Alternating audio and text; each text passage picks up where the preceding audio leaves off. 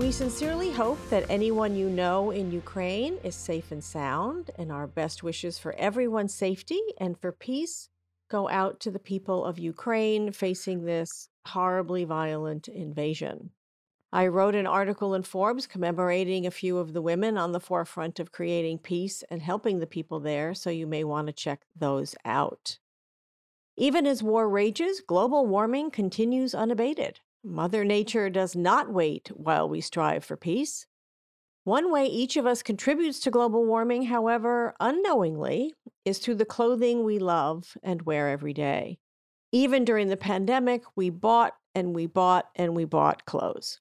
And each piece of clothing represents mm. tons of water and energy, tons of carbon emissions into our air, and tons of waste. There's been a movement to push the fashion industry to go green, as it were, to reinvent their manufacturing processes to be more circular, which is in effect zero waste. Then COVID hit, and we all stopped our normal fashion habits. Fashion trends went out the window, etc. And then the UN IPCC issued a dire report on the state of the environment, despite COVID's having reduced our energy use. Of course, it's gone up now as economies reopen. So, what is the fashion industry doing now to reduce their carbon footprint? And what can we as consumers, the people that buy their clothes, do to help reduce the impact that that clothing we love has on the planet? Today, we're going to find out from a woman who has been at the forefront of this effort for many years Welcome to the Electric Ladies podcast, formerly known as Green Connections Radio. We bring you insights and tips from remarkably innovative women about corporate responsibility, energy, and sustainability related issues. I'm your host, Joan Michelson. We talk about innovation, leadership, technologies, and careers, always bringing a new perspective. Find us anywhere you like to listen to podcasts on our website, electricladiespodcast.com and through my Forbes blog as well. And please pass it on to your friends. If you are struggling with your own career, especially in this craziness, please reach out to me on Twitter and let me know we can help you, no matter what industry you're in. The fashion industry is massive.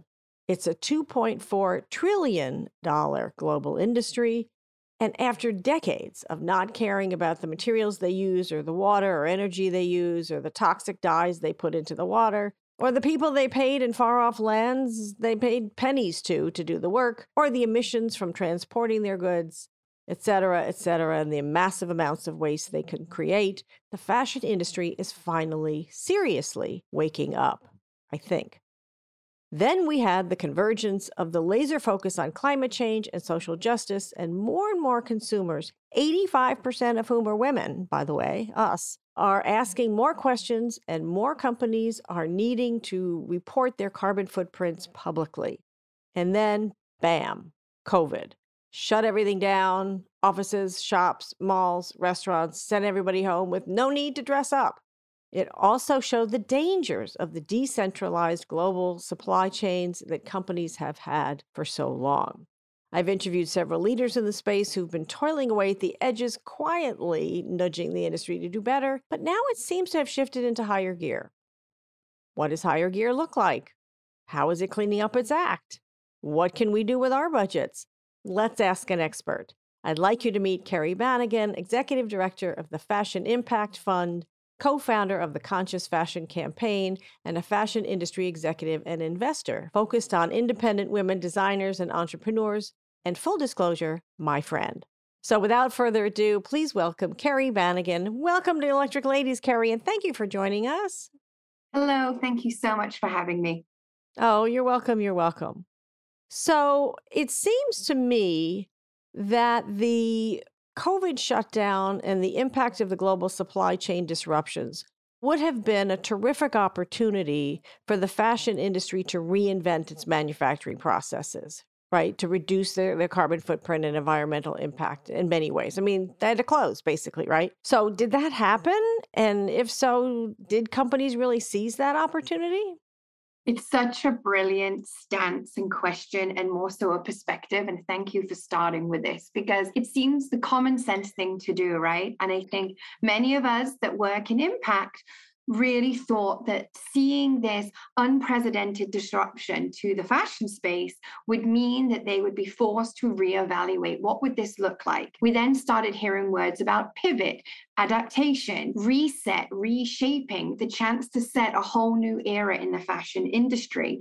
And whilst some decided to do that, the reality is the sector still lacks so much progress because on the other side, other people very quickly took to creating throwaway sweats. How could we make leisure wear for home? What can we do? Jumping on the working from home trend as they saw other trends stopping with fast purchasing. So, with that, you started seeing sales absolutely booming for huge companies that are dubbed under the throwaway or fast fashion sectors. And so, in that time, also at the beginning of the pandemic, we started to find out about factories. Two things were starting to happen. In international waters, we were hearing about brands that were no longer going to pay garment workers. They were canceling their orders. And you should check out the Pay Up campaign by Remake, where they have fought so hard for the rights of garment workers, especially because up to 80% of garment workers and there's around 75 million of garment workers in the fashion space. Up to 80% of these are women. And the Pay Up campaign by Remake and other industry supporters was fighting and calling to justice, really, these fashion brands that were canceling their orders. It was just so unethical the way that this was happening, and that was leaving the garment workers at the other side that have done the work with no income. What we were then also seeing in the UK, in Leicester, it got unveiled and about time discovered that garment workers were being paid pennies for this boom in at home, very cheap clothing. And so the exploitation was actually carrying on and at a worse scale. Now, this is not to take away from brands that did stop and look at an organization to say, what can we do to do better? I mean, the fashion industry, like every other sector, was hit extremely hard by the COVID pandemic. But in that also, those that are already extremely vulnerable because of the unsustainable and very harmful practices of the fashion industry continue to be exploited and hit even harder. Wow, I didn't know that. So, what did those women do for an income? Well, I can't say 100% what they did, but we can assume the things that started happening. It's they're having to take to other means of income, which are not the nicest, from drugs to trafficking that gets taken place to just people being abused, people being taken advantage of, or going into worse positioned roles, having to do anything to keep their families. Yeah, that's horrible. I had no idea. Thank you. You anticipated a question I was going to ask you about the impact on on the people in the industry as well. Have consumers gone back now to buying, quote, non at home wear? Have consumers' buying habits shifted with COVID? And we have enough people going back to the office now. Offices starting to open now, and obviously stores have reopened. But people are still working remotely. I mean, a huge percentage of people are still working remotely, and a huge percentage of people are doing hybrid, which means that they are not going into the office as much, right? About half the time. So, how has that had an impact on consumer clothing trends and purchasing? I think what we've seen is that anything with e commerce, and especially the companies that made sure they provided extreme convenience to consumers' needs during what was dubbed lockdown life, has then just continued to fuel the acceleration of online shopping. They just, the brands worked extremely hard to change what consumers needed that weren't leaving their homes. What might have been blouses, skirts, pants, suits for those that needed to go to work just accelerated into comfortable clothing at home. Was it, as we say, you know, this whole thing came out around leisure wear for home, changing the style of that, easy blouses, more fitted sweaters and sweatpants. I mean, here when we look at our conversation, we only see our top half now, right? So there's been that huge acceleration in not just because people are working from home, many people go through lockdowns where they couldn't actually leave and online was their main way of purchasing. People sitting so much screen time between laptops and phones, the brands have worked extremely hard in these past two years to be able to accelerate the convenience buy now button. And you see that, I'm sure, across all sectors, not just fashion. But with fashion, the problem comes when it is all about non purposeful, non responsible, and non conscious items that are being purchased. But the COVID and the social justice movement, too, actually, and climate change all shined a light on the values of every industry. And we've seen more companies issuing corporate responsibility reports and revising their sustainability messaging and diversity messaging. But it sounds like it's all window dressing. It sounds like in the fashion industry, has there been any real change? I mean, I, I, realize that you mm-hmm. probably can't mention brands doing what you do, but are there companies that are really doing the work, walking the walk, who really are reducing their carbon footprint and really do treat their employees better and have used this as an opportunity to really wake up?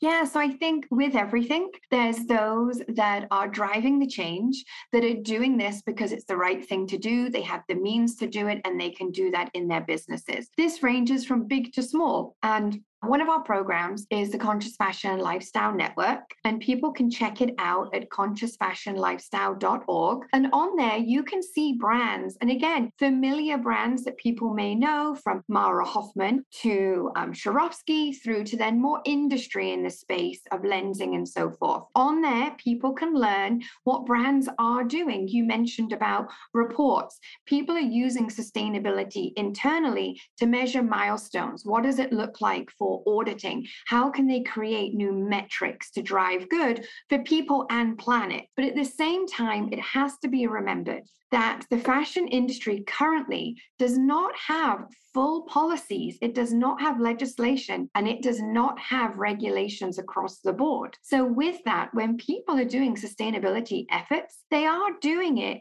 off their own back until the governments have proper legislation in place fashion industry will always be able to find loopholes. If one place comes in and wants to do taxing because you're not doing fair payments or treating your staff correctly, people will just move their factory, set up somewhere else. And that's continually what happens in the space. There's an extremely dark side to the fashion industry. And you made a good point in that in COVID and many of the things that happened between 2020 and 2022 now have shone a light, but also they've removed the veil to show the fragile system that the fashion industry operates in. But it is not enough until there are penalties and further taxings. And on the opposite side, incentives for those that are doing good. We're never going to see a blanket operation of purpose across the fashion industry. Yeah, I'm so glad you said that. The SEC is about to issue, put out a request for public comments. They're developing ESG standards for reporting. And several of the larger, anyway, fashion industry companies are public, right? So the SEC is now saying that if you're, especially for publicly traded companies, but that audited financial statements have to have their ESG metrics verified and actually audited. Do you think that's going to make an impact on these companies that are, in effect, greenwashing? It's going to be a driver, but just like we've seen with fashion factories, if there is a backhanded deal or an auditor is looked after, how do we know what's going on? And unfortunately, whilst we'd like to think that isn't what happens, so much of this happens in the fashion space. I can't speak to others, but what I will say, we are seeing more steps of calling to accountability, calling to transparency. But at the end of the day, when more money can be made by not following the rules, loopholes, people do whatever they can to slip through the loopholes for as long as they can. And that's not me being pessimistic, it's being realistic about what we see and what is going on. The great thing is, and you said a, a few things there that I love to touch on is about these open calls now. These things weren't happening. So it doesn't mean that bit by bit, we're not going to see companies coming forward. But something I really speak to is, is the lack of knowledge and education. So right now, what we're seeing is when you go all over LinkedIn or job sites or wherever people might look, there's all these roles around corporate sustainability directors, but they end up being extremely siloed. The reality is they need to be embedded in all departments. All departments of a company need to be talking. Can't be one or two people sitting isolated in an office, really in the know how about sustainability, but yet isn't heard throughout the whole company and all layers from board to C suite through to staffers. Oh, I totally agree with that. Yeah. And in fact, I've interviewed several people around that. Um, one of the people that comes to mind is Kristen Sullivan of Deloitte, and she heads up their sustainability practice, trying to help companies do that. But the company executives and the board have to be serious about it, and they have to have their own internal accountability systems and incentives and performance metrics, et cetera, and compensation ties in order to actually make that happen, right? So, what percentage would you say of the clothing industry today is sustainable or moving towards a circular economy? And what percentage of clothing made today would you say is? Can you guess? Do you know what? I don't know. It'd probably upset people because I would say it's under 20%. I think wow. so low on what is being produced because it doesn't matter if we talk about hundreds of companies trying to produce correctly and responsibly. At the end of the day, the extremely large fast fashion companies are producing at a rate that completely overshadows all of that. And they're producing in the volume. The volume is not necessary, isn't needed, is completely depleting people and environment, depleting our natural resources, and yet doesn't even have the demand to be needed because then ends up being burned in landfills, being sent to other countries and is taking up their beautiful lands. I mean, it just doesn't make any sense. And I want to go back and touch on something. You said something so key that the board has to be understanding and implementing this in their organizations. But you said something so key performance metrics. Board members and C suite are so caught up in answering to investors and stakeholders around performance and money metrics that they are forgetting and sometimes even squashing, which is then people and resources to make sure that they deliver on paper what keeps investors and stakeholders happy. And that needs to stop. And we have seen and are seeing more of this that companies actually are starting to say stakeholders, board, C suite, so forth will actually only get bonuses and rewards based on what you're referring to with the ESG. But again, it's a great idea, but I, I think it takes time to see how that actually gets implemented and what that means. I totally agree. And it's interesting because I did some stories during COVID on how during COVID, the stocks that had a higher ESG rating performed better. And part of the reason was they did more long term planning. So they were caught less off guard. They treat their people better. They had more of these systems in place by nature of the paradigm of values that ESG represents and they had more metrics about it so they could track things better. It's really, really interesting. And I've also seen that there's been a huge increase. I think it's like something like a 30% increase in the investments into ESG related stocks. It's gone up to like, I think it almost tripled to $650 billion um, during COVID. Yeah, I did a story recently on that. It's kind of astonishing. But the question then is, what industries fit into that, right? I mean, and then of course you also had the board of Exxon, you know, being forced to bring in three more climate change focused board members. So you're absolutely right. Talk about the consumers for a minute. Who is buying sustainable clothing? What are their demographics? And how do we get more people doing that? I mean, our listeners, anybody listening to this is more likely to lean in that direction, but who is buying it now in your experience? I say, just in my experience, because professionally I don't know these stats and so forth with consumers, but one thing I do want to flag is that the industry is trying to work to make sustainability more affordable because it isn't for everybody right now, right? So when you ask about the demographic, I don't have numbers, but we have to be honest about how accessible is sustainable fashion? What does that look like? How do we define it? And what does this mean? And we also hear non-stop quotes about how the younger generation only want to buy purpose-led brands. But let's also be honest, they don't have the income to match what's necessary. So then really they look to the thrift shops or the secondhand or the swapping. And we see now halls of secondhand shopping and so forth in the pre loved fashion market. But we have to remember there is a demographic in society that has no choice and needs access to pre loved clothing. They need access to those charity shops. It cannot be people that can afford all types of clothing coming in and emptying out charity shops. That is not fair to the system that we're in. And the system is very broken, but we also have to play our part here in it's not about going to charity shops and hauling. You still, just because it seems more affordable and you think you're doing right because you're saving saving it from the landfill, we still should be consciously buying and making smart decisions about how much we need.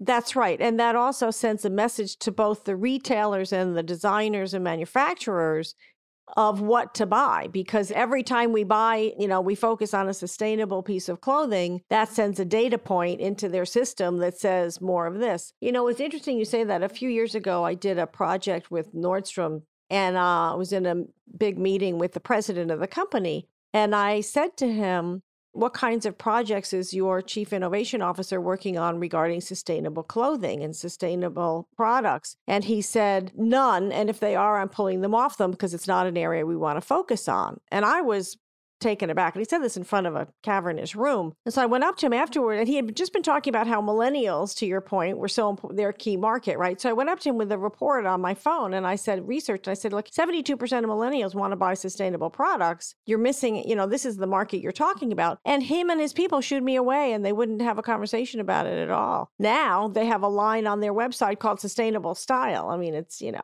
yeah, and that's the whole thing. And just back to something you said earlier as well is people are jumping on this, investors, but investors push for growth. It's ironic. It's the opposite of sustainability to be pushing for scale yes. and for growth. It's not about that. I mean, when we look at what is sustainable, what is responsible, any of the word ethical, I mean, the list of words for this now goes on and on and on. But we have to look at that we need to slow down. We need to slow down our purchasing, but more than anything, it's on the companies to slow down their production. So much is put on the consumers, but let's also be honest, consumers have been fooled into all of this. The fashion industry, media, and advertising industry created this buy now, have it immediate, make it you feel better, have access to what celebrities are wearing, even though it's poorly made and how it's been put together and it's been made with toxins and the staff have been treated appalling. It's on them, it's on governments, it's on fashion street, it's on the media and advertising world to really turn this narrative and messaging around because we've created a culture of now despite the consequences. Yep, absolutely. And I would imagine that in the face of coming out of COVID that people want to celebrate, right? Coming out. And so they're like, oh, well, I'm going to go buy a new dress or I'm going to go buy a whatever to celebrate that I'm, you know, now I can go out to dinner or now I can go to a concert, right? And they're not thinking about the consequences the impact. I love i love what you said and, and i was going to ask you about the media and advertising because you know that's part of the greenwashing problem is that a lot of times now what happens with their message because their messaging is getting more around this esg paradigm and i know you're an investor too so you understand this perspective that can lull the, the people who are watching that ad into thinking that when they shop anything with that brand that it's sustainable. And that's not true. Yeah it depends on what you buy. Yeah, and we see that with, you know, let's name them the high street brands, right? And basically, with these brands where they've got tons of options in their stores and online, but one small percentage is speaking to what they would dub as sustainability. The consumer goes in thinking, okay, I want to do better they're starting to be educated on what's going on. But it's not clear where you can buy these things in the store, and the consumer thinks that they're purchasing and doing good. But again, it's so confusing and on purpose. It's vague on purpose because it's just to move money. The fashion industry, where we're sitting right now, is purely pushed on greed. Yeah, and they give money to nonprofits as part of their green messaging, but they're not actually changing their systems. And it really just breaks your heart. God, there's so many things. Let me just ask you really quickly, and then I want to I want to get your career advice before we go, but are there any particular ways of reducing carbon footprint or saving the water supply or making this whole system better that you want to particularly emphasize? Are there strategies that companies that are being successful at this are using in particular that have a strong impact or a bigger impact than others? Yeah, and I think there's several with this, right? And my biggest thing that I'd like to end on here is brands collaborating. If we're going to talk about businesses here, they need to collaborate more on their research. So much money is put into R&D and then used to be shelved. The reality is the more that brands can share about their research, who they're using for materials, and a big thing is actually, I know you're asking about water and things, but I want to focus on the people, is when organizations can actually be more open about their supply chain. And if they're finding a good or bad manufacturer, that they can open open up and say to people, look what they're doing. You know, that's so important because if we can look after the people, and one thing I always say is, we talk about the fashion industry as a supply chain, and that makes it seem so dehumanized. But the reality is, this is a human chain. Nothing is made that we wear that does not go through many human hands. And so, really, for me, the environmental aspects are extremely important. But if I could share one element here, it's really about brands being more open about their supply chain. And specifically, when there is a red flag to be concerned about in someone that they've worked with, they need to let their peers know in the space so that they are no longer ordering from that place and instead rewarding by taking their orders and their finances to factories that are doing it right,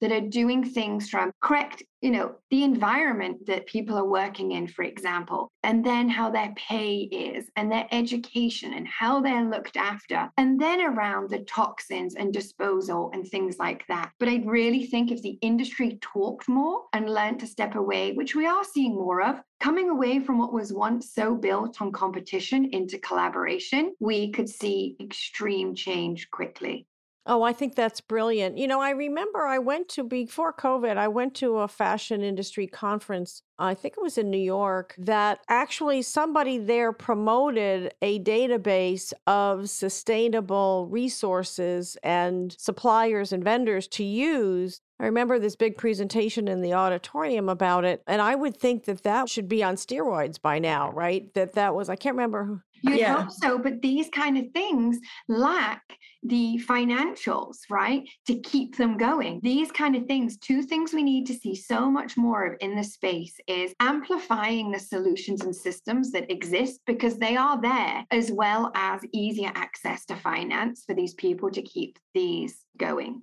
Yeah, and the Sustainable Apparel Coalition is doing a lot of this now. And I love that Amina is now their CEO. She's great. I interviewed her a while back. No, that's a really good point. Just to give some perspective, uh, a couple of data points on what you're saying, Kerry, for people that don't know, I saw that 10% of carbon emissions and 20% of wastewater comes from the fashion industry. This freaked me out completely. 35% of microplastics found in the oceans come from fibers. Yikes. Isn't it scary? Oh my God, that scared the heck out of me. So, one more question. I want to get some career advice from you for mid career women, but what has surprised you the most in doing this work to try to transition the fashion industry to be more sustainable and, and eco conscious and treat its people better? Surprised me? Um, for me, it's the people. I am daily blown away by people's tireless dedication, the, the, the ideas that they have, the way that they can bring them to life, the action that people are taking. As I said a moment ago, the solution systems and strategies exist.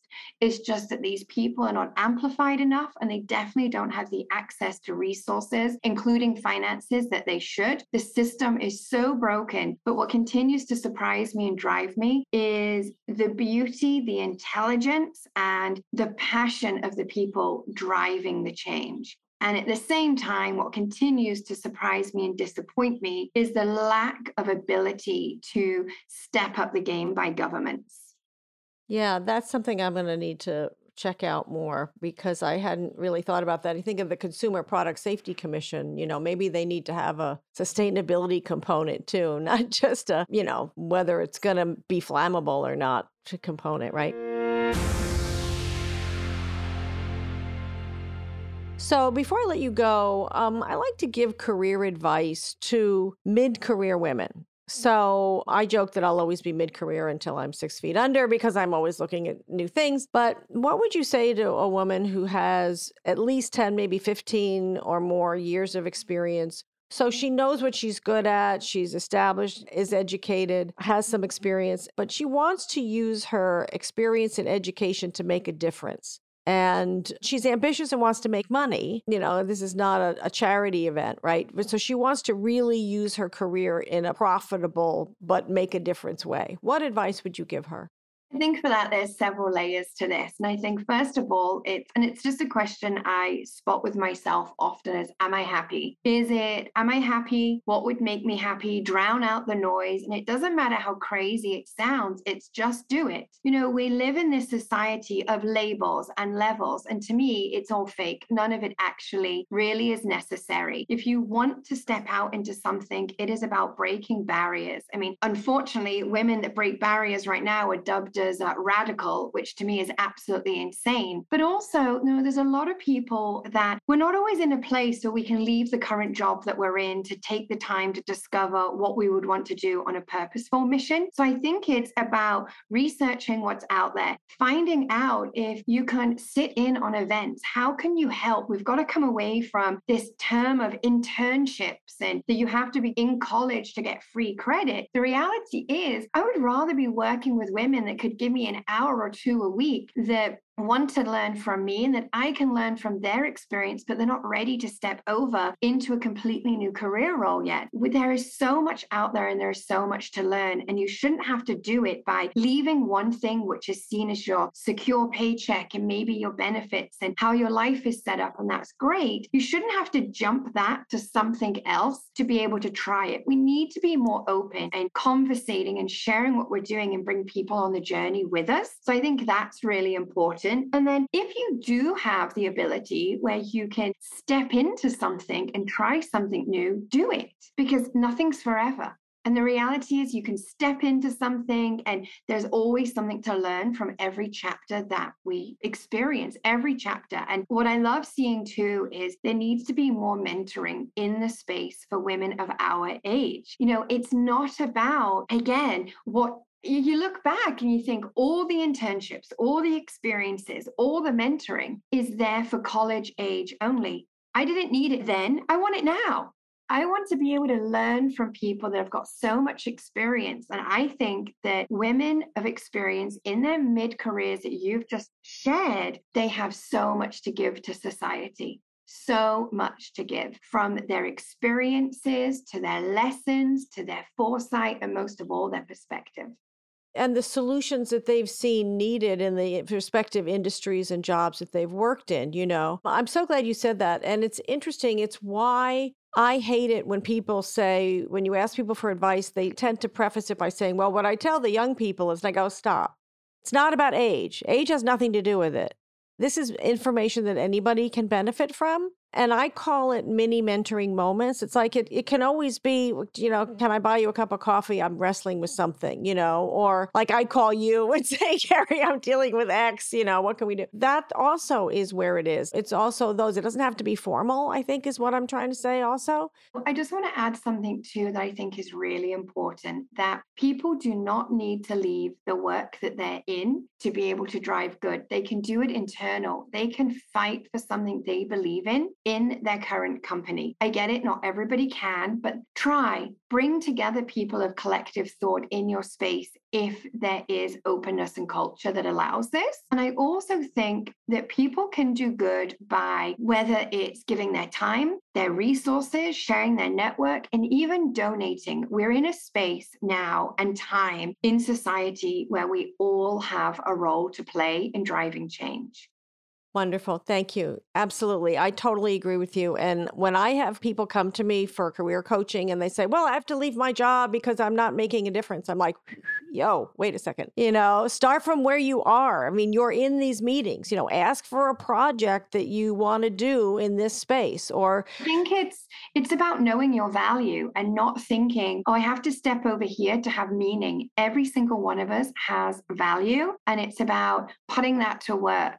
Unfortunately, we sit in a space, especially as women, and in a mindset where we forget the value that we have day to day and we have to attach it to winning something, passing something, being rewarded. And it's not like that. That's society's way. The reality is we walk around all day long giving to our loved ones, to our community, to our peers, even to strangers. And that in itself is value.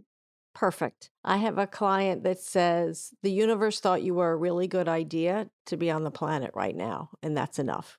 Yeah, exactly. I love that. Thank you so much, Kerry. This has been wonderful. I so appreciate me. Oh, you're welcome. You're welcome. So give that website again, conscious. You can catch my work at fashionimpactfund.org. And one of the programs that I referenced earlier, the Conscious Fashion Lifestyle Network, you can check out what brands are doing at consciousfashionlifestyle.org.